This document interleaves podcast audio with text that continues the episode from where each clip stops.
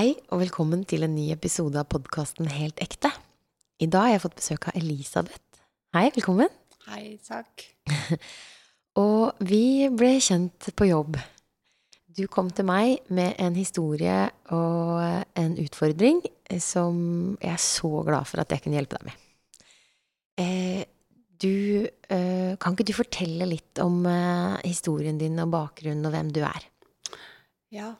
Um, det Jeg heter Elisabeth. Jeg er 47 år.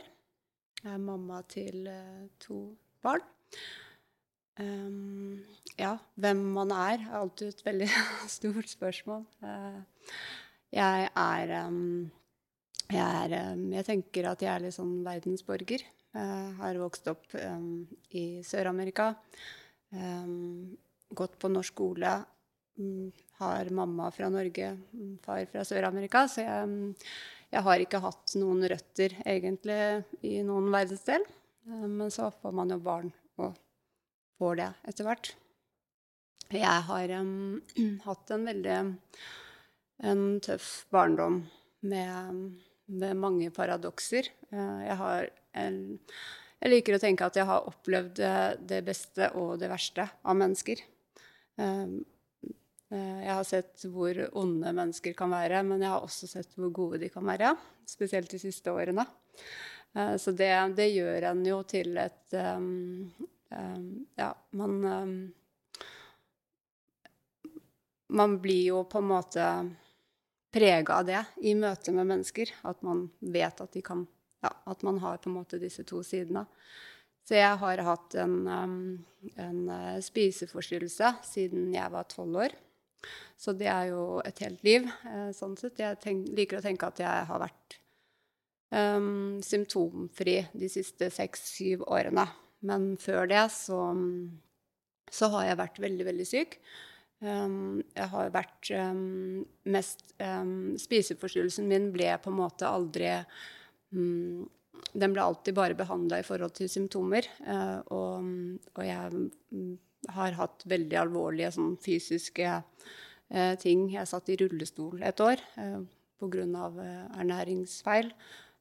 og jeg har også ja, hatt problemer med hjerte og organer.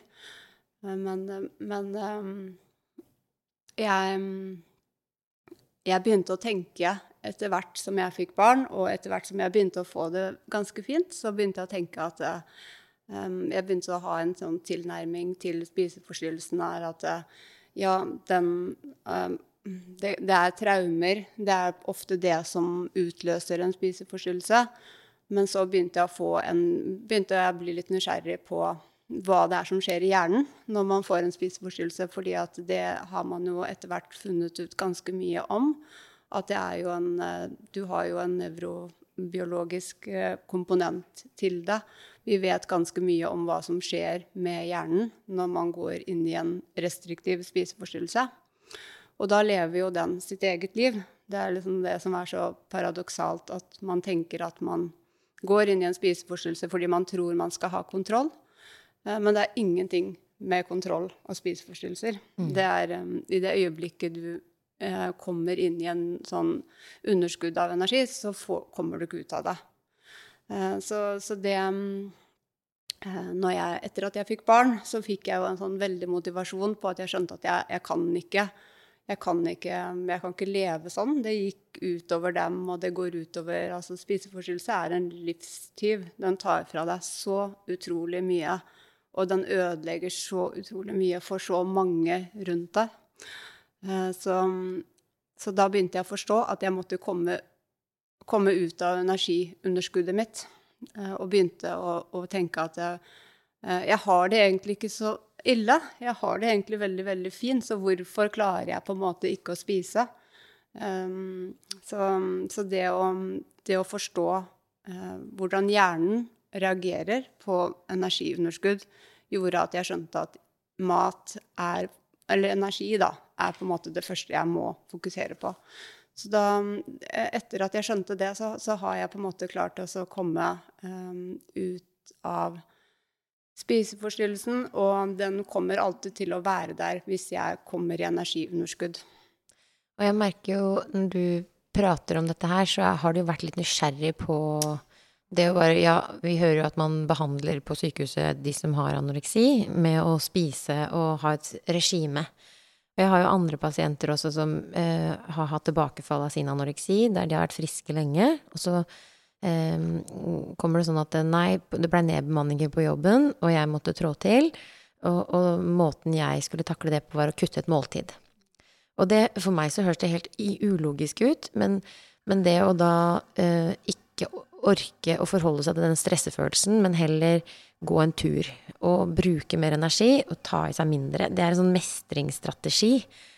Og, og, da er det jo så fint at du har vært nysgjerrig på hva er det som ligger til grunn. Hva er det her? Det handler ikke om at ja, jeg vet at jeg må ha i meg næring. Jeg vet at jeg må ordne med dette underskuddet. Men hvordan? Og at du i det hele tatt har vært litt sånn nysgjerrig på det, da. Ja, fordi at eh, jeg oppdaga veldig fort at eh, vi som har spiseforstyrrelser, vi, vi, er veldig flinke til å manipulere litt hvordan vi vil at ting skal se ut. Mm. Eh, og når jeg da var 100% ærlig med meg selv, så måtte jeg innrømme at jeg får noe igjen Mm. Nå veldig, veldig mye igjen for å, for å sulte. Mm. Og når man snakker om å sulte, så tenker man jo ofte liksom at, at, folk som har spiseforstyrrelser, ikke spiser, og det stemmer jo ikke. Vi spiser jo, men, mm. men vi, vi, sørger for at vi er i, i energiunderskudd. Uh, og, og, til slutt så blir det som en annen type rus, at du må ha mer og mer, og så spiser du mindre og mindre. Men den, den roen og den, um, den rusen uh, som man får av å ikke spise. Um, den, den, det, er, det, kan jo hende at mange har opplevd det når de faster og sånne ting. Uh, og det er jo veldig um, Ja, det er veldig vanlig uh, mm. egentlig i samfunnet å, å, kutte ut et måltid eller droppe det. Også, um, men, men, forskjellen på oss som har den uh, disposisjonen til spiseforstyrrelser, er at vi, vi får ikke til å begynne å spise igjen. Mm. Så det, det, du kommer ikke ut av det. Eh, til slutt så stå, står jeg på kjøkkenet og ser på maten og er livredd. Det kunne like gjerne vært en slange eller en annen veldig, veldig skremmende ting. Og du har ikke lenger valget om Du står og gråter over en brødskive og er livredd for brødskiva. Mm. Eh, så den eh, mestringsfølelsen som du snakker om, den kommer av en uendelig stor ro i kroppen som gjør at jeg, jeg, sammenligner det med annen type rus. Uh, at du um, Du må på en måte ha mer og mer av Du er på en måte avhengig av den sultfølelsen.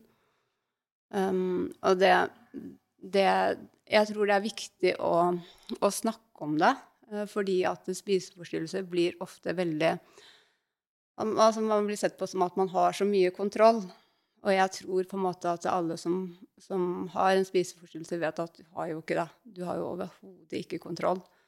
Det er jo mye snakk om eh, Det har vært en veldig sånn kostholdsdebatt nå, der Kaveh Rashidi har gått ja. ut mot de som prøver å ta opp ting i samfunnet som er feil med ernæringen vår. Og så har de blitt anklaga for å lage et sånt overfokus på mat, sånn at man skal bli redd for å spise, og så at det fører til spiseforstyrrelser. Hva tror du om det? Oh, det, jeg har lest uh, disse innleggene til Kaveh, og jeg, også, altså jeg tror at um, vi kan liksom dele opp uh, mennesker liksom, de som har en, uh, en, predisposisjon for spiseforstyrrelser, og de som ikke har det. Og den, jeg tror liksom han prøver å snakke for de av oss som virkelig syns mat er vanskelig. Og det er jo veldig mange. Du trenger ikke å ha en spiseforstyrrelse for å synes det.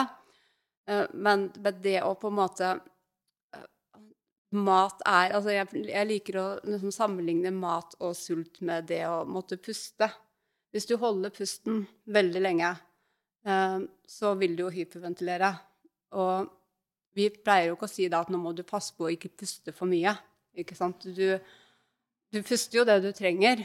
Eller hvis du må på do og tisse, da. Du sier jo ikke liksom at du må ikke tisse for mye det er jo på en måte en helt biologisk et behov, da. Og på den måten så tenker jeg liksom Og det samme med vann. ikke sant? Vi er jo ikke redd for å drikke for mye vann når vi er tørste. Vi kjenner jo liksom at vi er det, og vi må ha det. Og det å være så redd for mat, det er så utrolig feil, da. Ja. Um, man kan snakke om um, ja, Vi snakker jo da om prosessert mat da, sant? som noe som er så, så veldig, veldig skummelt og farlig. Og så for en som har spiseforstyrrelser, så er jo det medisin. Ja. For det er mat som er så gjennomfordøyd at kroppen takler det bedre. ikke sant? Så, så når du skal bli frisk fra en spiseforstyrrelse, så er det nettopp den type mat du må ha. Du kan ikke ha mye fiber, og du kan ikke ha veldig mye å fordøye, fordi fordøyelsessystemet ditt fungerer jo ikke. Eh, Så, så det derre Det å gjøre mat til noe så kjempeskummelt Mm. og, og, og Ja, det er viktig, Mm. Men vi går ikke rundt og gjennomanalyserer det at vi må puste, at Nei. vi må drikke vann, at vi må på do. sant? Hvis vi ikke har sovet på et døgn, så skjønner vi at vi må sove litt ekstra. Mens når man da um, har um, manipulert maten sin, da, og kanskje ikke spist så mye som man skulle, så blir man redd for at man skal overspise. Ja. Sant? Hvis man da spiser fem brødskiver, da har man spist for mye. Ja. Det blir aldri perfekt. Nei, og så tenker jeg liksom at det, det er det jeg personlig tenker er årsaken til Hvis man skal tenke at vi har en eh, overvekstepidemi, eh, så tenker jeg at vi må se på restriksjon. Vi må se på hvor mye vi som samfunn mm, styrer, overstyrer, et naturlig biologisk behov vi har. Så, så, så det, er jo, det er jo det som er årsaken. For når du da slutter å slanke deg, eller slutter med en diett, så er det jo på en måte Det Og sånn som den rosa elefanten. Prøv å ikke tenke på den. Det er jo da du tenker på den. Jeg tenker jo på det med overspising. Når vi vi kommer til å gå inn på traumer etterpå, litt hvorfor, eller hva som er grunnen og underliggende årsak til din anoreksi. Ja. Og jeg kommer jo også til å snakke om disse store traumene, og så kanskje disse små traumene. Og den der overvektsepidemien som er der, hva som er underliggende årsak til det. At det kanskje ikke har med Ja, det er masse tilgang til kalorier i butikken, men hva er grunnen til at ikke alle da er overvektige, ikke sant? Og forskjellene, og hvorfor noen har behov for å spise mer enn de trenger. For eh, vi puster, vi drikker vann, og vi spiser den maten vi trenger. Det burde være så enkelt. Men inkludert meg selv, da, som har vært en sånn spiser øh, av, som har også predisponert for å legge på meg, så, så skjønner jeg at det er så mye mer komplisert enn at det, man bare bruker noe, og så fyller man på. Noe som egentlig er et enkelt regnestykke, men fordi hjernen er så avansert og har rusta oss ut å tåle både krisetider og lagre øh, over øh, tider som det er gode tider, så, så er det litt vanskelig. Ja, og jeg har jo Altså, jeg, jeg tror vi alle kommer fra vårt eget sted, sant, så jeg mm, eh, ja, jeg har jo en veldig sånn derre forenkla eh, tilnærming til, til akkurat det.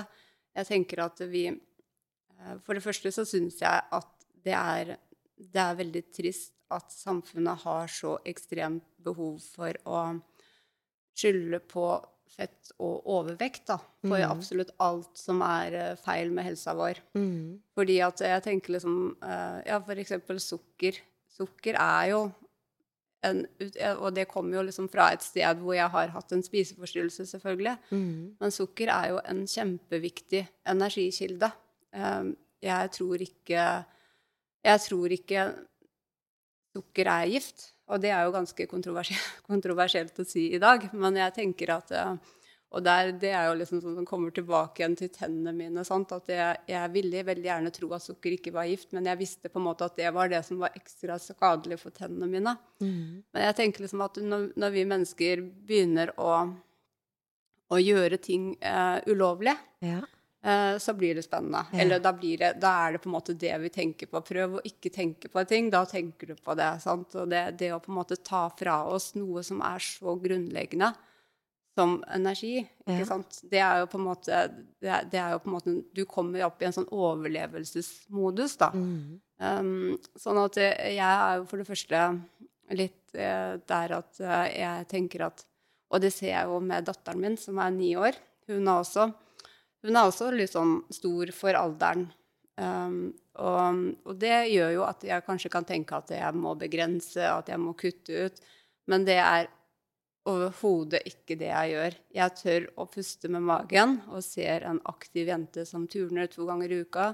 Sykler, er, liker å spille fotball. Eh, men hun er glad i mat. Og det, eh, det tenker jeg liksom at det, ja, for, for, eksempel til kropp og, og, og, BMI og sånne ting. Det er jo Altså, BMI skulle jo aldri vært ment på individskala. Sant? Det å på en måte kunne bestemme hvordan en kropp skal se ut, eh, det er på en måte like utopi som at ja, vi skal bestemme øyefarge, eller hvordan nesa vår skal se ut. Vi, en, vi er genetisk disponert til å ha en kropp, eh, og den ser ut som den gjør. Ehm, og så tenker jeg at når vi prøver å begynne å manipulere den til hvordan samfunnet, hvordan, hvordan man skal se ut, da tror jeg vi surrer det til. Og det er jo det der med BMI. Første gang jeg fikk høre det og regna ut, så er jeg overvektig. Fordi jeg, er, jeg har alltid vært tung. Uh, og det har jo ikke gjort noe bedre for meg. Da har jeg alltid tenkt at jeg er feil. Og så med en gang man uh, har dette fokuset om likhet, at vi skal være innafor normalen på alle områder, så, så, er det også en ting som vi skammer oss litt over fordi vi er annerledes, da. Enten, enten for mye eller for lite. Prata med en annen pasient også som er overvektig, og får høre det sånn at den, nå var det jo for mye. Og så har hun også veid for lite. Da veide hun for lite. Og hun sier jeg er jo aldri perfekt. Det er jo ingen som sier at 'nå er du fin'. Eller 'nå er du perfekt'. Ja, og så tenker jeg liksom overvektig i forhold til hva? ja. jeg liksom, er, er, altså, Det finnes jo mennesker som er såkalt overvektige, som lever aktive, friske, gode liv, og som Jeg tenker jo på meg selv, da, når jeg, når jeg kanskje veide det som var, var normalt. Eh, for de aller fleste årene Jeg har jo veid alt fra 27 kilo til langt over 90. Så altså, en spiseforstyrrelse er jo mye. Ja. Eh, men altså, det var jo på en måte da jeg var såkalt normal, da, eller på BMI-skalaen, at jeg var som mest syk. Mm. Um, og det var jo også sånn når jeg ble innlagt på sykehuset fordi jeg plutselig ikke kunne gå mer, fordi jeg hadde um, for lite vitaminer og var feilernært, så var det ingen som tolka det opp mot spiseforstyrrelse. Mm. Fordi at da hadde jeg ikke en BMI som var lav nok til at det Det er så paradoks det der som at eh, spiseforstyrrelser er jo, en, det er jo en mental lidelse. Men likevel så er vi opptatt av uh, hvordan man ser ut. Man, mm. man behandler symptomene ja. På en spiseforstyrrelse. Og ikke den grunnen og bak. Og én ting til før vi legger helt den kostholdsdebatten bort. For jeg, jeg syns det er litt viktig å poengtere også, fordi jeg syns det er litt synd at Kaveh Rashidi og ernæringsmamma og de andre Det er liksom to sider, plutselig. I all debatt så blir det polarisering. Mens jeg ser jo at de har et felles ønske om en friskere befolkning som eh, koser seg med maten og er godt informert. Eh, og, og, da syns jeg det er så synd at det plutselig har blitt så sterke motpoler. Fordi eh, jeg syns jo, sånn som med røyking og helse og trening og kost, at vi er informert om hva som er bra for oss. Og det med uh, mer informasjon om ultraprosessert mat, som er blitt en sånn del av, av, en vanlig hverdag for veldig mange, uten at vi ser at det er et alternativ. Vi lukker øynene for at det er et alternativ til å gjøre noe annet. Samme som med, med skjerm og gaming og alle sånne ting. Ja, men det er bare den veien utviklinga går, uten at vi ser at det er et alternativ. Og samme med alkohol. ikke sant? Nei, det er jo bare det at vi drikker på fest. Det er jo ikke noe alternativ. Så det å aldri snakke om alternativet som at det kanskje er et sunnere alternativ enn det vi bare er oppvokst med som en normal, det jeg liker at vi, det er noen som stiller spørsmålstegn og utfordrer disse helt sånn derre vedtatte sannhetene om at vi bare lever i en strøm som bare tar oss eh, og gjør det vi alltid bare har gjort, uten å bryte et mønster. Og da syns jeg heller at det kunne vært en sånn fin debatt å prate om, og hvordan kan vi kanskje hjelpe folk til å ta valg ut fra hva som er bra for en selv, og sine forskjeller. Kanskje noen trenger mer energi enn andre. Kanskje andre sliter med å få i seg næring. Kanskje ultraprosessert mat kan være en fordel, siden vi ikke har tilgang på alt mulig som vi kanskje burde ha. Det er så mange ting som man kunne diskutert på en god måte. Absolutt. Eh, ja, jeg er helt enig i akkurat det. Og så tenker jeg også at vi, um, vi, vi Hvis vi snakker om helse, uh, så, så, er jo det Det er jo det som på en måte er tanken bak hva som er god helse. Uh, så tenker jeg liksom at vi er jo så forskjellige. Noen mennesker har, har mulighet til å, til, til å fokusere mer på Jeg eksempel, jeg kan ikke trene. Eh, når jeg begynner å trene og kommer i, i kaloriunderskudd, energiunderskudd, så, eh, så klarer jeg ikke å stoppe. Da kan jeg trene syv, åtte, ni timer og droppe ungene mine i Altså det blir en avhengighet. Mens noen får til det. Noen har ikke den disposisjonen, den switchen som skjer i hjernen, da. Eh, sånn at jeg, jeg tror at, eh, at, det er viktig å huske på at vi mennesker er forskjellige. Og noen har mulighet til å, til å holde en balanse på ting. Mens for de, og jeg tror det er veldig mange som ikke får det til, og som blir veldig fokusert på den, den livsstilen, det kostholdet, den tren... Altså som ikke klarer å ha en balanse. Mm. Og da, da, blir det jo liksom det, det, er viktig med informasjon, og så er det viktig liksom med den derre selvinnsikten å være litt ærlig med seg selv. Hvis du vet at du ikke får til det, hvis du vet at eh, sunnhet går på bekostning av at du koser deg med måltidet sammen med barna dine, at uh, du kan mm, ta vare på, vise omsorg, ha det gøy sammen med barna dine Hvis du ikke får til det, og serverer eh brokkoli og grønnsaker og, og sunn mat hele tiden, så er det ikke helse lenger. Det er, det er, noe med at det var det jeg måtte finne ut av. At jeg kunne bli så hysterisk uh, på mat med ungene mine at, uh, at helsegevinsten gikk opp i, i røyk. Mm.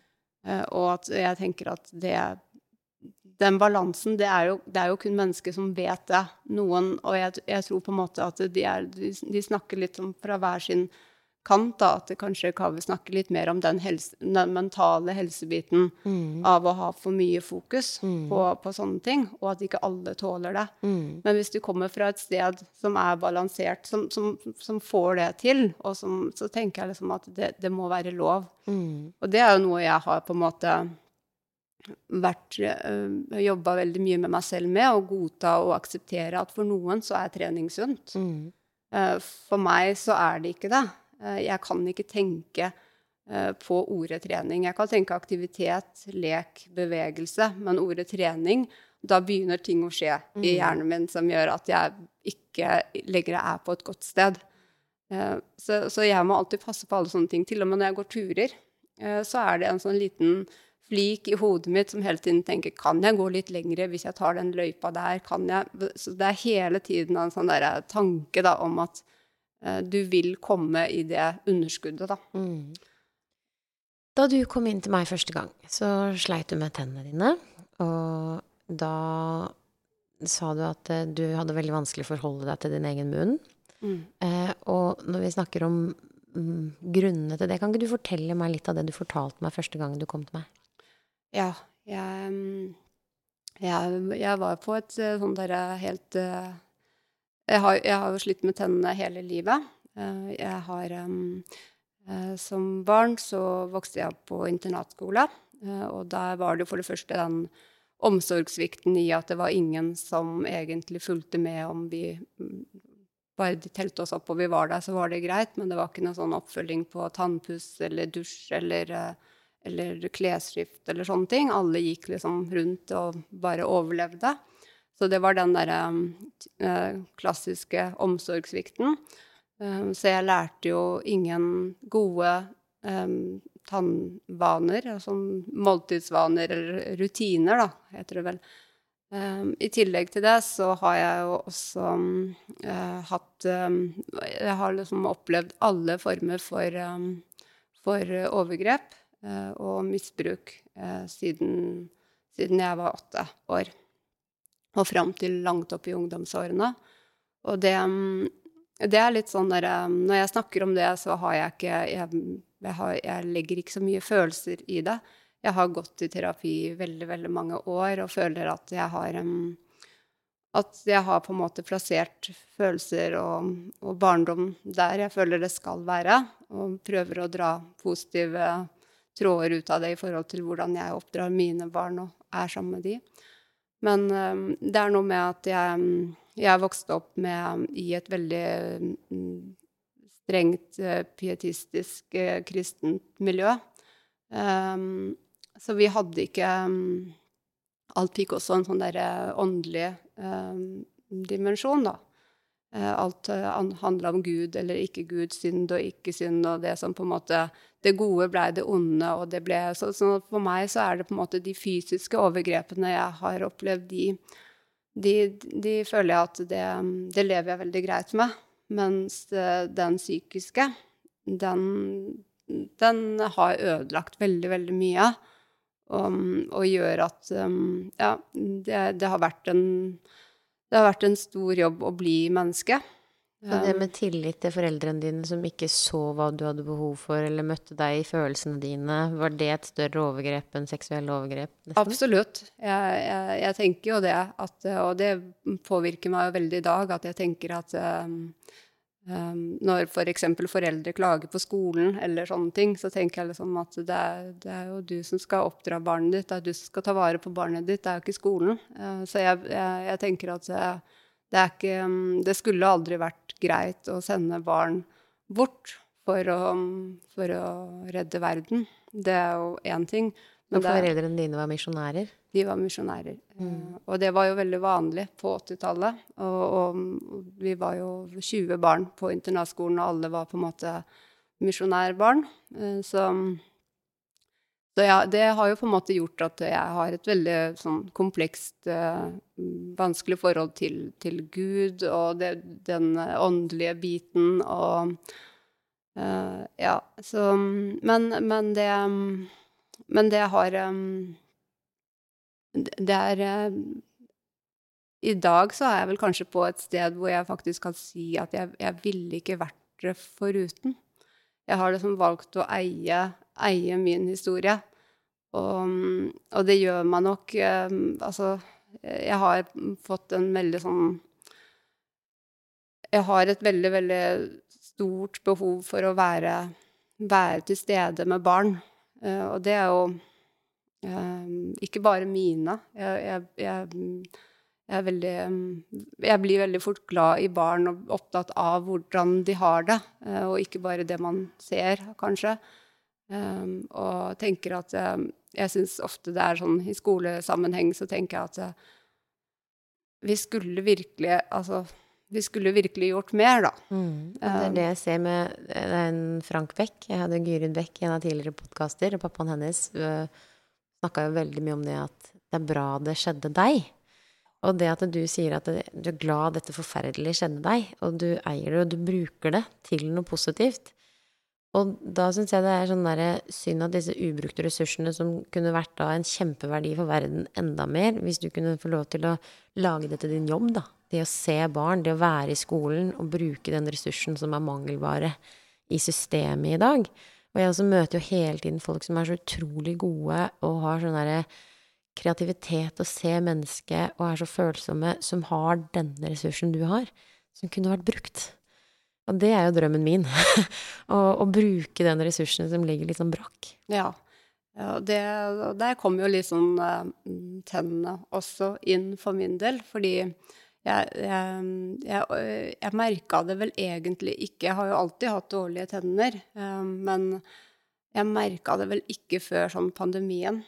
Da, da, begynte jeg å merke at, at det var så mange flere mennesker som hørte på meg. Og og fikk med seg det jeg sa. Eh, og det hadde jeg på en måte aldri vært så bevisst på før. Um, jeg er jo veldig følsom og veldig bar. For da brukte du munnbind?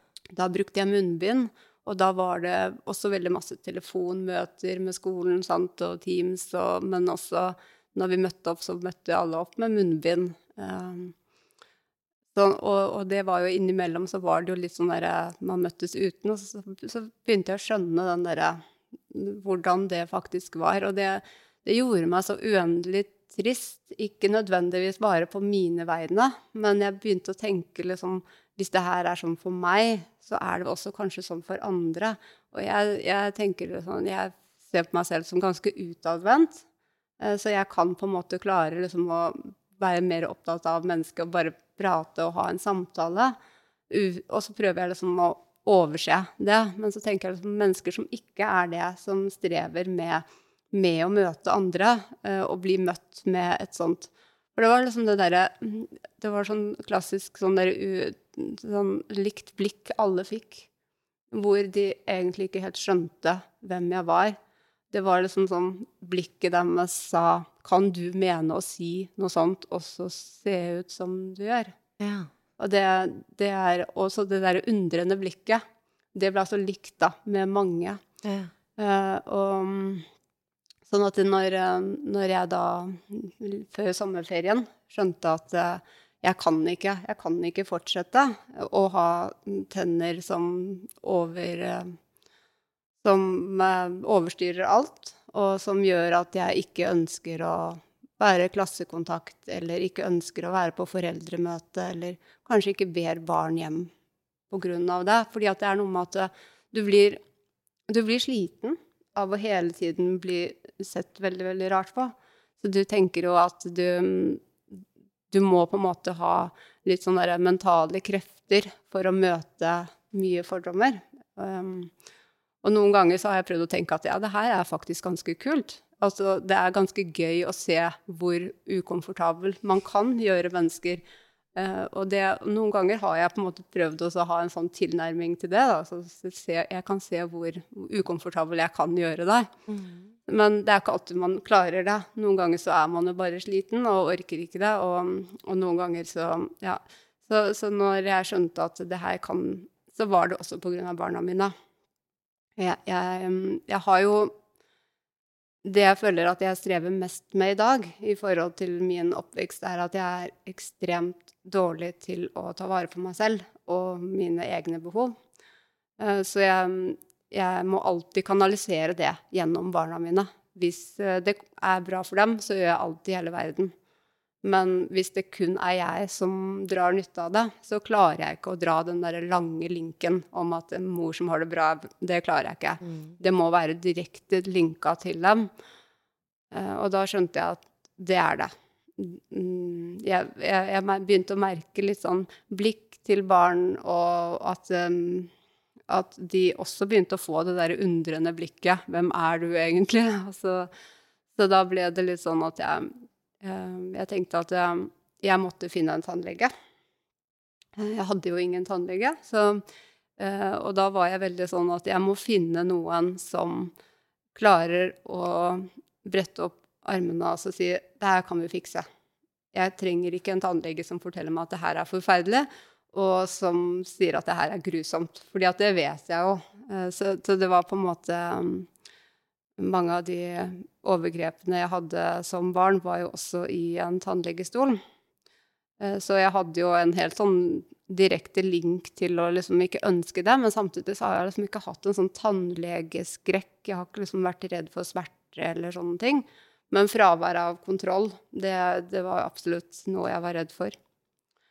Så, så det, det, det er noe med liksom når du vet hva du må gjøre, og så gjør du det. Fy søren, det er fint. Det, er- det er stort. Når du på en måte tar opp eh, telefonen, slår nummeret og skjelver i stemmen, men du gjør det, liksom. Det, Det er så tøft. Det er som å, jeg sammenligner det ofte med å hoppe utfor et fly. Eh, og det er det som man faktisk ikke forstår når man ikke er redd for det. At det kan være så skummelt. Og så er det også litt fascinerende hvordan du hele tiden forteller når vi snakker om ting, hvor gjennomgående mm, tydelig det er at du aldri klarer å ta hensyn til deg selv. Du klarer ikke å gjøre ting for deg selv. At du, men, men at, for det er for barna dine. Og, og da du kom til meg, så snakka vi veldig mye om hva som skulle til for at vi skulle få det til, og det har jo aldri vært noe som har vært vondt, aldri Men det er det derre å ikke være til stede, at du faller litt sånn ut. ja. Og da har jeg også vært veldig redd for Og jeg har jo sett eh, folk som har vært utsatt for overgrep i en tannlegestol, og når man dissosierer, man forsvinner Og da er jeg veldig redd for For man, jeg vil jo ikke at de skal dissosiere, for da reagerer man veldig etterpå. ja. Og, og det har vi snakka mye om, for du klarer jo ikke å la være å dissosiere. Nei. Og da har det jo også vært vanskelig når du kommer hjem etter tannlegebesøkene. Men eh, hvordan har du takla det likevel? Jeg, mm, jeg, jeg husker eh, Ja, jeg, det er veldig sjeldent jeg har liksom så um, systematisk gått inn for den uh, dissosieringen som akkurat hos deg. Eh, Det tror jeg ikke uh, Jeg hadde liksom en sånn uh, Da jeg fødte barna mine, eh, så var vi veldig redd for, eh, for at jeg skulle falle igjen i en psykose. Um, men um, det skjedde jo ikke. Og jeg var, var veldig til stede, egentlig. Men, men uh, hos deg så, så, var det helt automatisk at jeg bare forsvant. Og, men det Jeg tok jo en Sobril som var utgått på dato. Så jeg innbilte meg at den ikke hadde like mye effekt. Men jeg tok en sånn Sobril hver gang jeg skulle til deg. Og så merka jeg etter hvert at eh, det og effekten av den Sobrilen gjorde at jeg kom hjem, og så måtte jeg sove. Og ikke egentlig fordi jeg var liksom så sliten eller så ødelagt av timen, men egentlig bare pga. effekten. Så de tre-fire tre, siste gangene så droppa jeg det. Ja. Og så er det liksom det, det er liksom noe med deg, og jeg vet du ikke liker det, men du er, du er, du er flink på en god, god måte. Eh, ikke i det man på en måte assosierer med ordet flink, men det er noe med at du eh, Det skinner veldig gjennom at du er først og fremst menneske. Ja, du er en fantastisk dyktig tannlege, men du er først og fremst Du, du, du mister aldri den menneskeligheten din. Og det, det er så det, det er så det er så betydningsfullt. Fordi at det er liksom veldig ofte det at hvis du, er, hvis du har en profesjon da, som er, er, veldig viktig, så er det på en måte at mange går rett og slett inn i den, og det blir en identitet. Men, men din identitet var alltid først og fremst menneske. Og jeg takker for god tilbakemelding, og, men eh, som vi har snakka om også, at eh, når du har dine traumer, og det der med andre mm. traumer, som er et generasjonstraume, og det med flink er en trigger for meg som jeg kan bli irritert på, for det har vært så viktig for den ytre bekreftelsen. Så, så, har det vært en sånn higing etter at kan du ikke bare si at jeg er flink, og veldig flink. Sånn sjukt flink. Jeg vil alltid være flinkest. så, så, derfor har det vært en sånn Ja, men nå gjør jeg det ikke for at andre skal synes at jeg er flink, men jeg blir veldig glad når folk sier at jeg er flink. Uh, men, og det har vært en sånn befrielse for meg å ikke jakte på det. For da kan jeg være dette mennesket. Da kan jeg være en enda bedre behandler, for jeg vet at det betyr noe for meg, det jeg har å gi.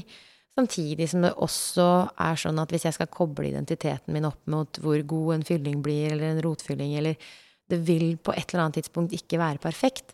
Og da, hvis jeg skal ødelegge hele dagen hver gang noe sånt skjer, og da føler meg som et dårlig menneske fordi jeg ikke gjorde noe perfekt, så er det så sykt vondt, og så kommer jeg hjem og er en dårlig versjon av meg sjøl.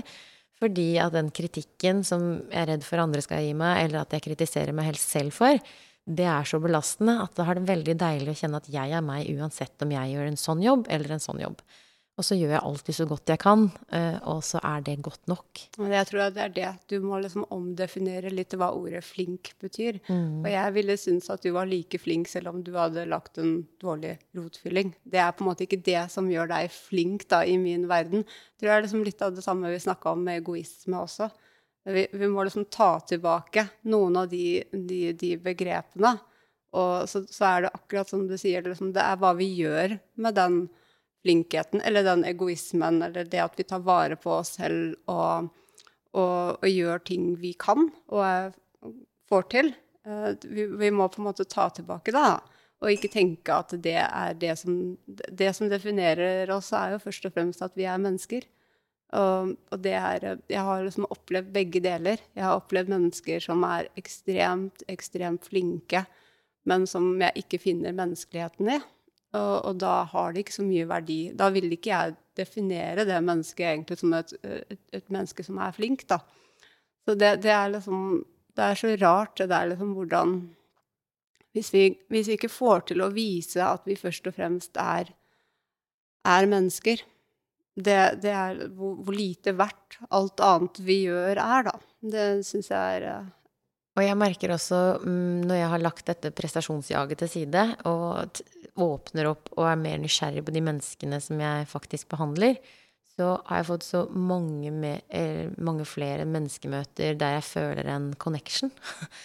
og, og, da jeg starta denne podkasten, så jeg må bare hilse Marius og si takke for ordet Det å connecte. Det er å Con er jo med på ja, spansk. spansk. Mm -hmm. og, og, ekte. Eh, det er jo ektehet. Så med ektehet, det er jo å connecte. Jeg syns det var litt sånn artig. Så, så, han skrev det når jeg skrev podkasten min skulle hete Helt ekte. Så sa han dette ordspillet. Jeg syns det var litt morsomt. Men at vi møter hverandre med ektehet for å connecte, for å skape bånd med andre mennesker. Så, og det har jeg opplevd det siste året, at det har blitt veldig, veldig mange sånne møter. Og, og, tilbake til den dissosiasjonen din. Når du falt ut, så var jeg veldig redd for at du da skulle oppleve det som et nytt overgrep. Og da snakka vi også om at den Du sa at siden det var så gjennomgående trygt i rommet vårt, så følte du deg likevel trygg, trygg om du skulle miste kontrollen. Ja. Og det har vært en sånn læring for meg, for jeg har alltid tenkt at dissosiasjon er noe negativt og farlig. Mens at du har liksom sagt at selv om det skjer deg, så er det en naturlig beskyttelsesmekanisme som kanskje bare er veldig, veldig vanskelig å avlære. Men at det ikke nødvendigvis er noe vi skal være redd for. Nei, og det, det, er, det er, helt viktig. Og det, det, er også noe som jeg sånn, egentlig generelt er veldig opptatt av. At vi, vi, trenger ikke å unngå alt som er vondt, eller alt som er vanskelig. Det er ikke, målet er liksom ikke fravær av smerte. Eller altså, det er jo, det er jo helt uoppnåelig for noen av oss. Det, og for veldig mange som er kronisk syke. Sånn, vi kan ikke unngå å ha det vondt. Vi må liksom tåle det noen ganger, og det går helt fint. Man kan faktisk til og med le når man har det vondt. Altså, altså det er jo på en måte hvordan man takler det, har så mye å si. Eh, så, så det ble veldig tydelig for meg veldig, veldig fort. Eh, det må jeg bare si. Eh, at eh, Hilde, eh, for en fantastisk dame, dere to sammen skaper en sånn, en sånn trygg stemning. Men, og det er det jo mange som prøver på. Jeg har jo opplevd det veldig mange ganger når jeg har vært innlagt på sykehus. Jeg har møtt så mange gode mennesker. Men hvis du liksom går inn for det, når det ikke er naturlig, hvis det, er, hvis det er påtatt, og fordi at det er det riktige å gjøre, så, så, hjelper det ikke. Men det er den derre helt ekte, og det er jo akkurat det passer så fint til, til, deg, fordi det er det jeg opplever, at det er veldig genuint. Og, det, og da, da, kan du ikke noe annet enn å bli trygg. Det er jo det er noe med det som er, det som er sant, og det som er ekte. Det skinner alltid gjennom, uansett. Og det, det er liksom så uh, morsomt, det at podkasten heter Helt ekte, fordi det er jo noe jeg har strevd veldig med i veldig mange år. Å finne ut av hva er det egentlig som er ekte. For jeg har jo opplevd gode mennesker som er onde. Og jeg har jo opplevd mennesker som da ble sett på som ikke være gode. Være veldig det. Så jeg har alltid liksom hatt en veldig, mm, ja, veldig sånn konfliktfylt forhold til hva, hva er det som er sant, og hva er det som er ekte. Så jeg er jo på en måte for Jeg bruker ikke sminke sånn konsekvent til min datters frustrasjon. Men det er liksom litt sånn eh, Jeg har alltid møtt mennesker eh, og tenkt liksom Hvem er du egentlig? Hva er du egentlig?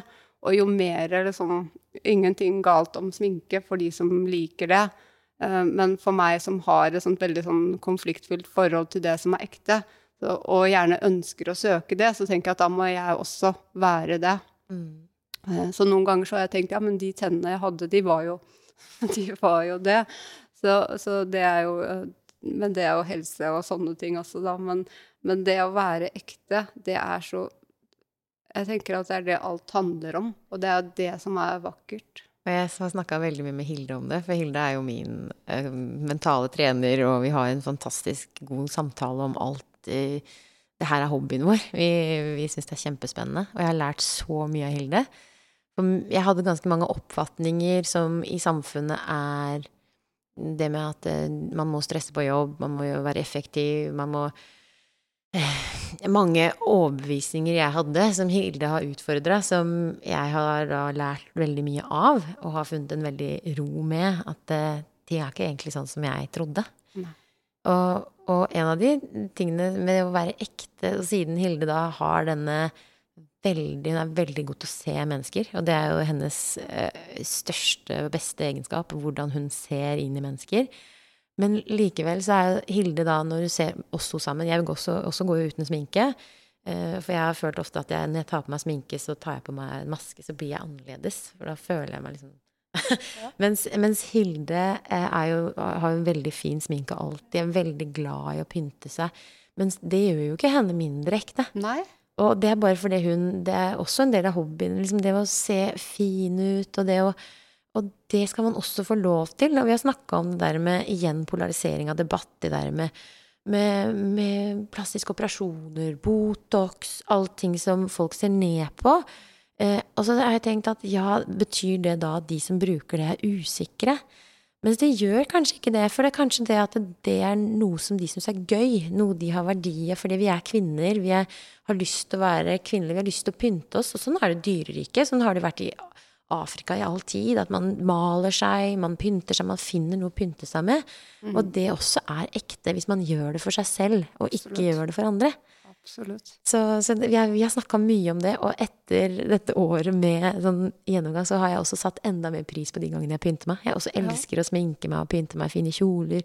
Men ikke alltid. Men når det er, så har jeg sett at det gjør jeg for meg. For jeg liker det. Det er kunst. Det er en del av det som beriker livet vårt. Det er liksom, Jeg vokste opp uh, rett ved en sånn uh, indianerkoloni ja. uh, med masse urfolk.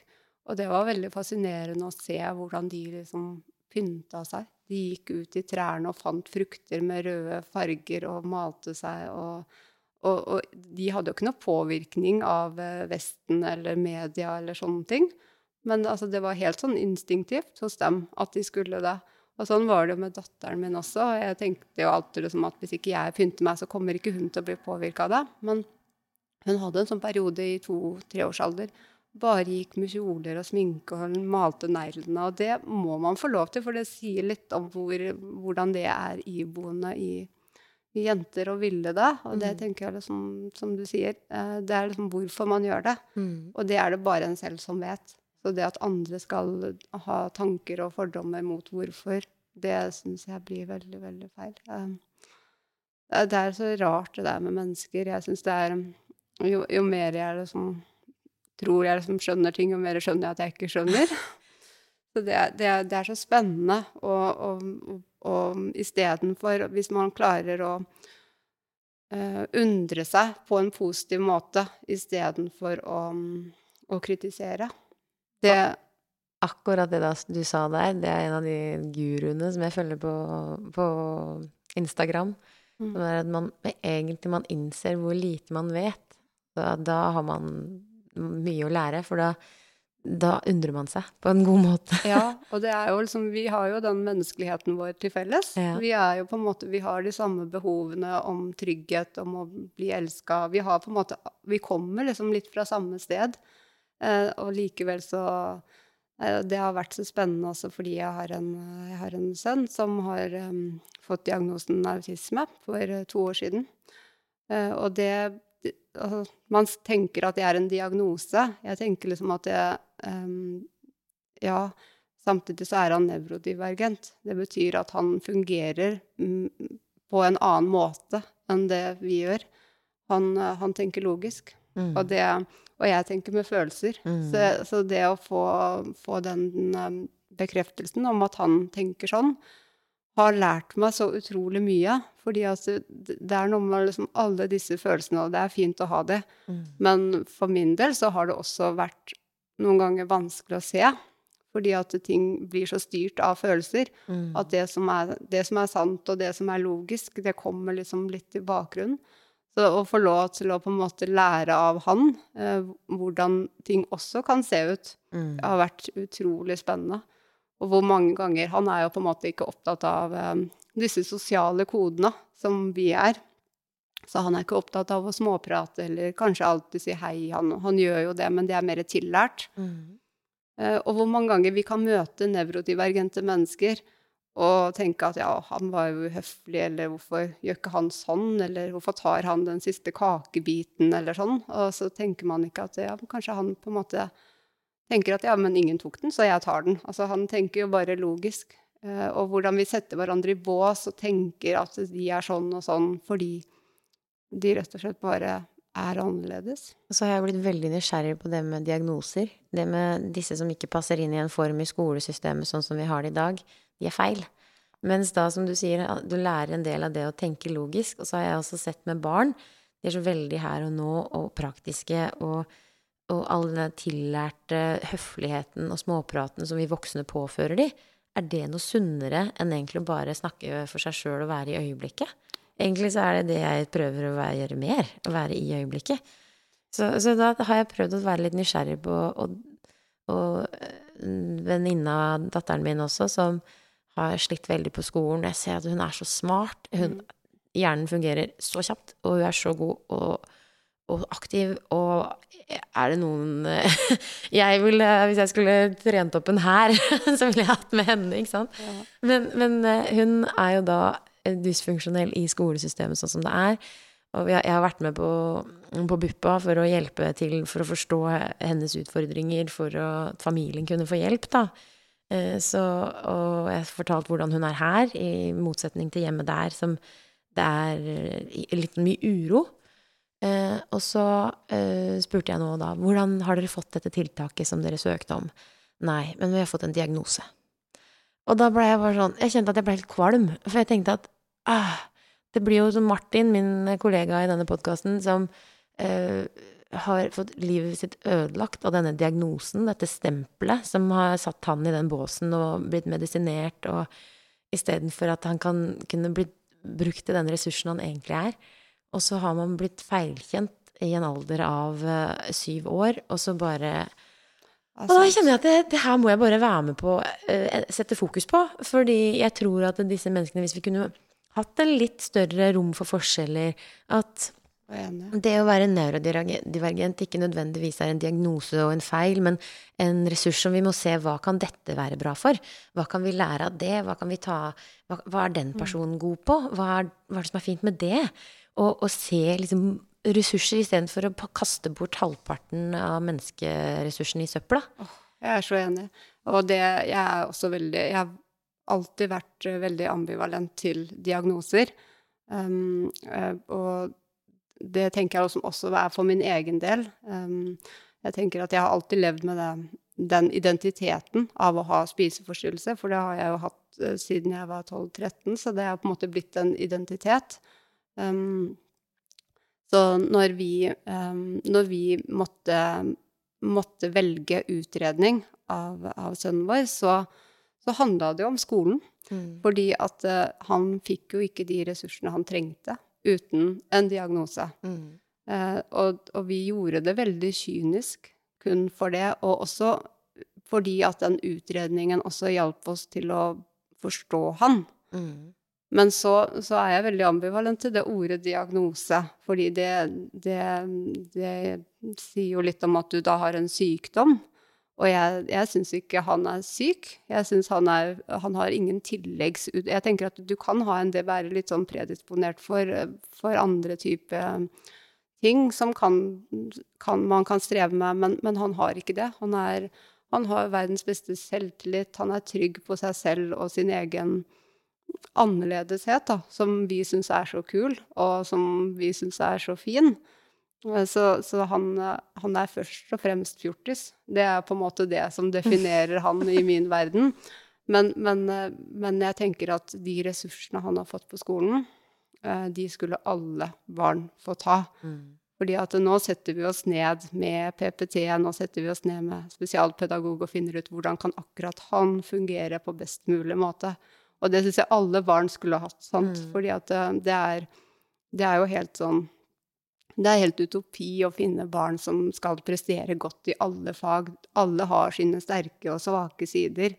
Og så er det jo litt de vi må finne og framelske og, og hjelpe de til å, til å, fokusere på. Eh, og det er jo akkurat det vi gjør med, med sønnen vår nå. Vi finner to-tre fag, som matte og naturfag og sånne faktafag. Eh, som vi fokuserer på. Og så dropper vi litt diktanalyse og argumentasjon og de tingene som man vet en nevrodivergent ikke skjønner poenget med, da. Mm.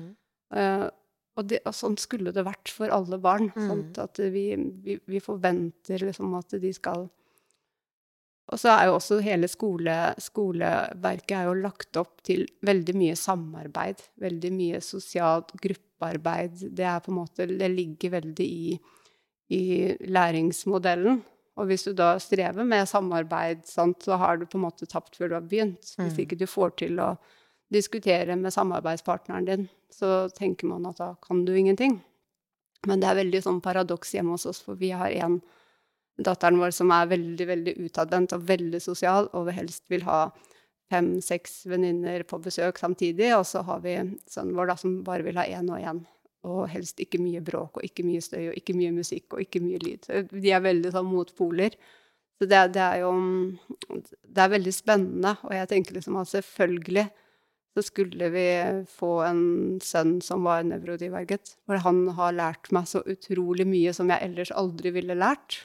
Det er så fint fokus, og det er det jeg leser um, boka til Mariann Deila, som seinere kommer i den podkasten her, om, om, det der med traume vi vokser opp med, det at man ikke får mm, anerkjent følelsen eller personligheten sin fra man er liten. Man blir ikke sett fra man er liten.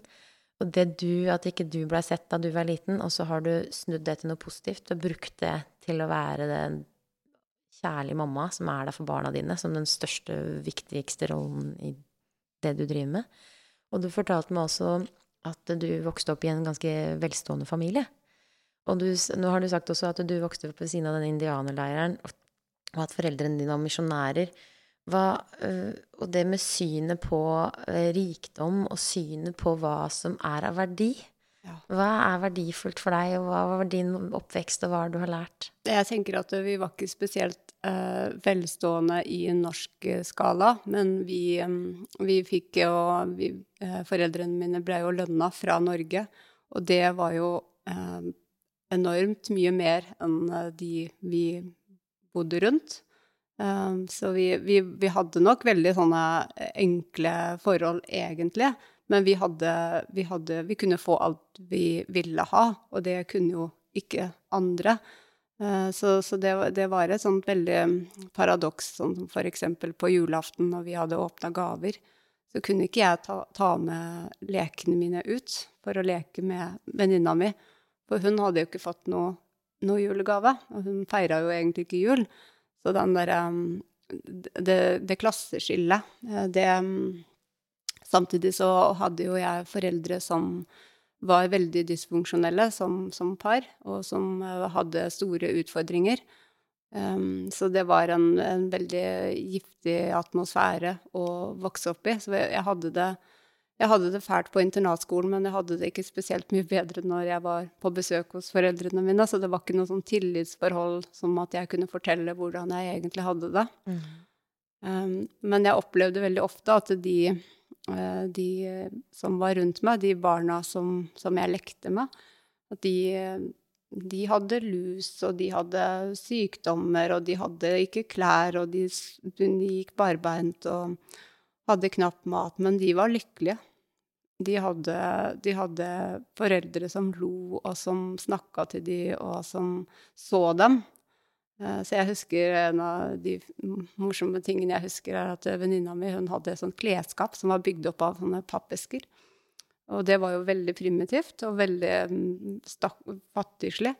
Og jeg hadde et sånt kjempefint eh, importert klesskap som hadde kosta veldig, veldig masse. Og jeg ønska meg det, det klesskapet hennes. Og, og, jeg ser fortsatt I hodet mitt så er det fortsatt det fineste klesskapet jeg har sett. Og det, det, altså det gjør jo noe med, eh, med en når man f.eks. på julaften har foreldre som krangler og slåss og skader hverandre, og så åpner de et rom full av gaver. Og så sier jeg at begge to sier bare gå inn der og så åpne gavene deres. Og så satt vi der, jeg og broren min, og så hørte vi de krangle der ute. Men det var jo masse gaver, og man skal jo bli glad for gaver. Mm. Men, men, det er jo ikke mulig. Så da, man får på en måte en sånn uh, gyllen mulighet fra man er veldig, veldig liten, til å erfare hvor lite ting betyr. Mm. Og ja, det betyr mye hvis du uh, ikke har noen ting, uh, men, men mest av alt så er det det med å ha ha foreldre og mennesker rundt deg som ser deg, og som er glad i deg. Mm. Um, og så tenker jeg liksom at jeg har aldri blitt um, Jeg har aldri blitt um, Jeg blir ikke imponert av, av, materialisme. Jeg blir ikke imponert av fine ting. Um, jeg, jeg, blir ikke provosert heller. Eh, det, jeg er glad for at folk har fine ting hvis de vil ha det, men jeg klarer ikke å opparbeide en motivasjon til å ha det selv, på en måte. Eh, jeg liksom eh, det, det, det, tror jeg liksom er en sånn veldig, veldig stor og viktig konsekvens av å ha hatt det veldig, veldig vondt. Mm. Så vondt at det på en måte er umulig å, å legge det bort. Mm. Um, um, så, så jeg, og det ble veldig definert for meg når jeg mista broren min i 2006. Uh, eh, han hadde jo hatt akkurat samme oppvekst som meg, uh, men han uh, Og han strevde med andre ting, så det, det, det, det var et veldig tragisk dødsfall. og når han Fram til da så har jeg på en måte kanskje hatt litt sånn smerten min og sorgen min som en identitet. Spiseforstyrrelsen ble en identitet. Jeg tenkte liksom at det her er det eneste jeg kan få til. Men så, så døde han, og så tenkte jeg liksom Hva er vitsen? Vi skal være her en liten stund. Um, det er ikke så lenge. Og det her Du ser han Jeg så han dø, og så tenkte jeg at det, det her skal jeg også. Og alle trodde jo alltid at det var jeg som kom til å dø, fordi at jeg har jo på en måte vært mer sånn syk enn han. Uh, men, men så, så, tenkte jeg liksom at jeg, jeg, må bare finne ut av om det går an å ha det litt bra. Kan man ha det litt bra? Mm. Og så gjøre det til et prosjekt. Uh, så traff jeg samboeren min som, som var en god venn av han. så, så vi, um, vi, møttes litt i, i sorgen av, av en felles en felles bror.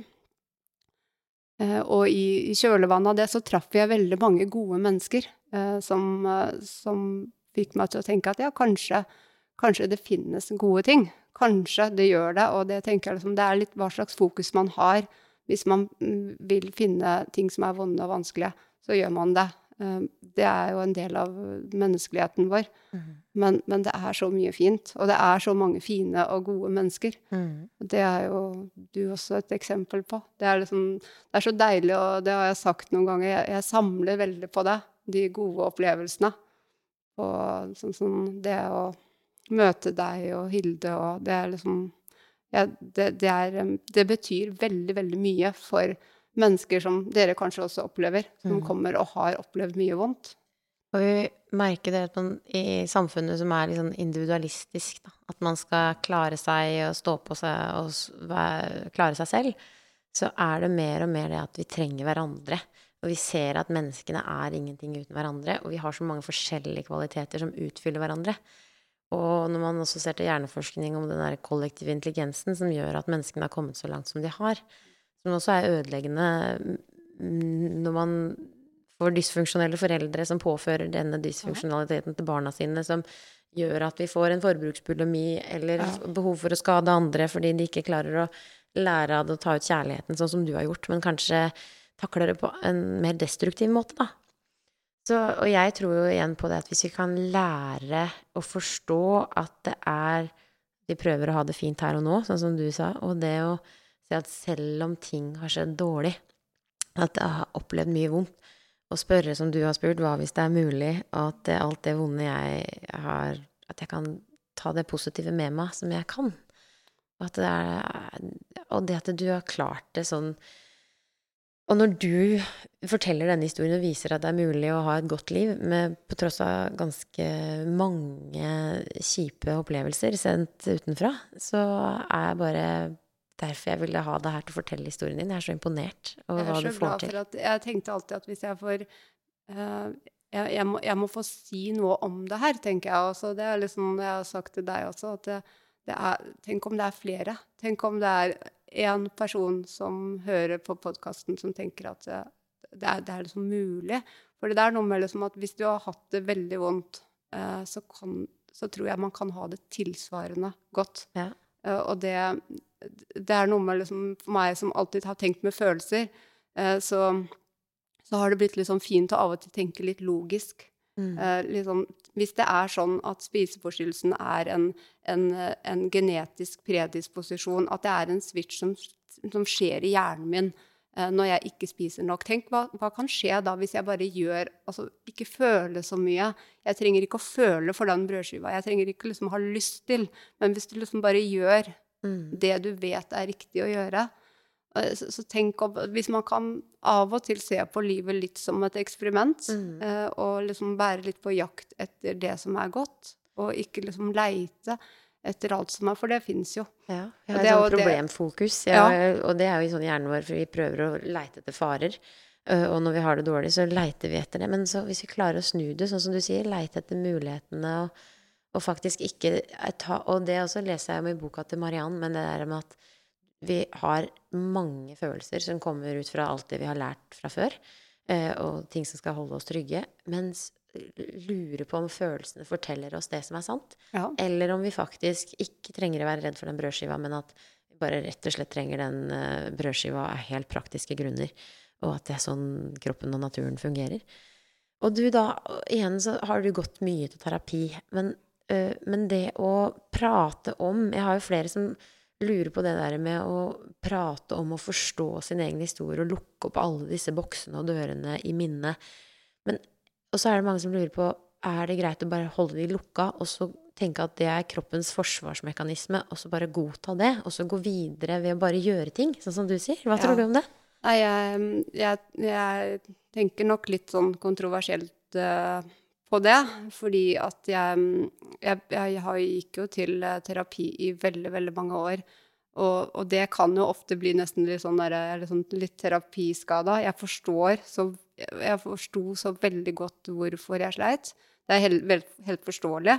Eh, men eh, det i seg selv gjør ikke at du får det bedre. Altså, det det er, veldig fint å forstå. Jeg tror det er viktig å forstå. Ja. Eh, for å endre mm, atferd så tror jeg det er veldig viktig å skjønne hvorfor. Eh, men, men selv, du må heller ikke det. Altså, du kan likevel endre atferd selv om du ikke forstår, forstår, det. Men for meg så ble det litt sånn uh, Det ble litt sånn identitet. Um, og jeg vil Jeg tenker liksom at jeg var mer enn det. Uh, og det er noe med at du får ikke gått tilbake i tid. Du får ikke gjort noe, du får ikke forandra på noe. Du kan bare liksom fortsette å ødelegge nåtida med fortida, eh, sånn som jeg opplevde det. Så, så, så jeg tenker at det er, det er, det er fint å forstå, og, og, terapi har sin plass, absolutt. Men for meg så ble det viktig å slutte. Og begynne å Først begynne å prøve å leve et lite liv, og så prøve å se hvor stort det kunne bli. Eh, og, og, det med, med, barna mine, det ble så definerende. For det, det var min barndom som blei ødelagt. Eh, og så er det noe med det du sa også, at vi har jo disse verktøyene, det man har lært, og liksom traumer som går i arv og sånne ting. Um, det er også litt sånn befriende hvis du vet at hele verktøykassa di er ubrukelig. Det er ingenting jeg kan gjøre med mine barn som mine foreldre gjorde med meg. Jeg trenger ikke engang å lure. Hvis jeg begynner å gjøre det samme, så vet jeg at det er feil. Eh, så alt jeg visste om barn, eller hvordan man var med barn, det visste jeg Altså, det var feil. Eh, jeg måtte, jeg måtte um, gå langt, langt inn i meg selv og finne barnet i meg. Og så måtte jeg um, bytte ut alt verktøyet mitt. Og det, det, det, Jeg skal ikke si at jeg var perfekt på det. Jeg har um, tatt meg selv i å Helt sånn instinktivt, fordi man gjør jo det. Reagerer på samme måte som sine foreldre og men med en gang jeg gjør det, så vet jeg at det er feil. Mm. Uh, så det er en befrielse når man vet at ingenting Du kan ikke bruke noe igjen. Noen kan ta med seg noe godt, og, men, så da blir det liksom Er det her en bra ting eller ikke? Kan jeg liksom Men jeg kunne ikke ta med noe. Uh, alt, alt, med min oppvekst var feil.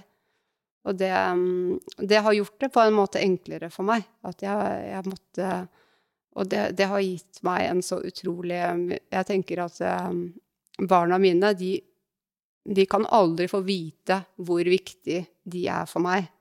Det er liksom De hadde, de hadde ikke liksom Det er ikke bra for dem eh, i det hele tatt. De kan vite at de er viktige, men hvor viktig? Det er altså nøyaktig hvor eh, livsgivende de har vært.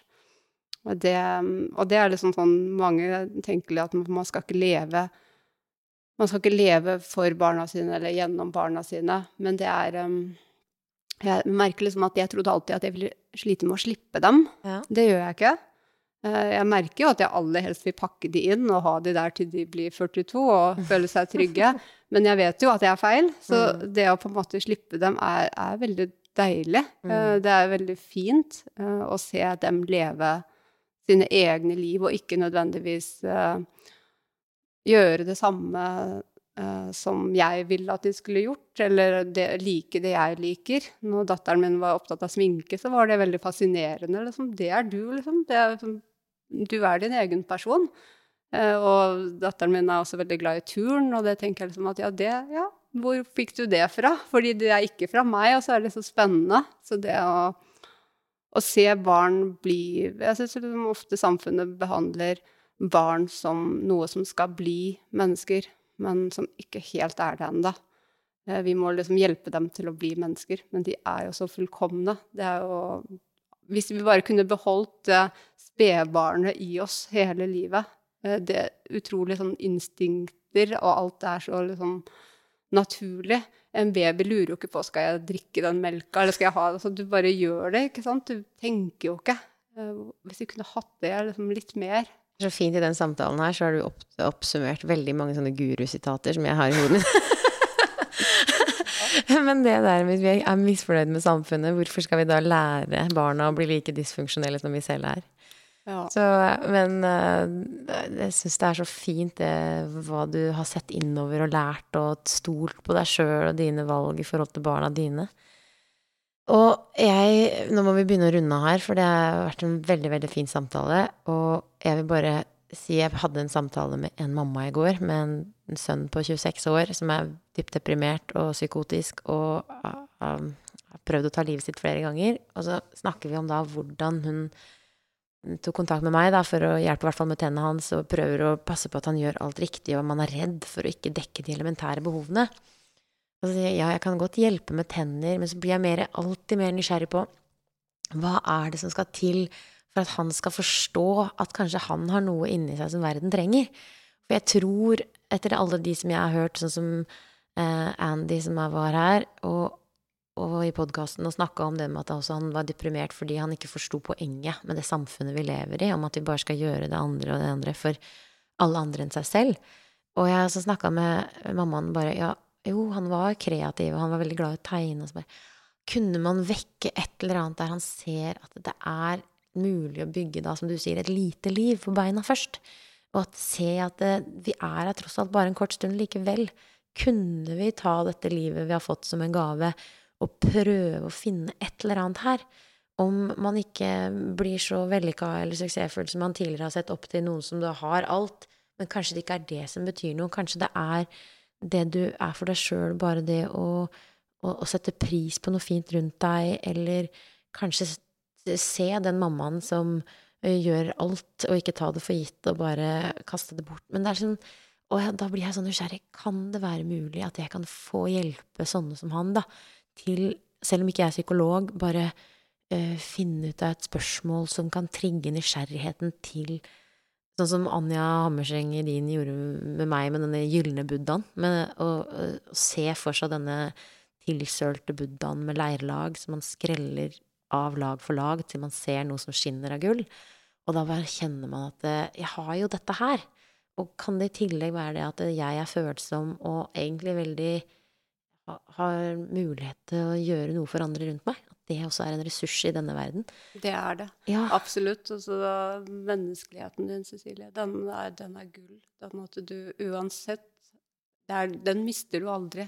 Den, den kan du aldri mislykkes på eller ikke være god nok på, for den er så intuitiv hos deg.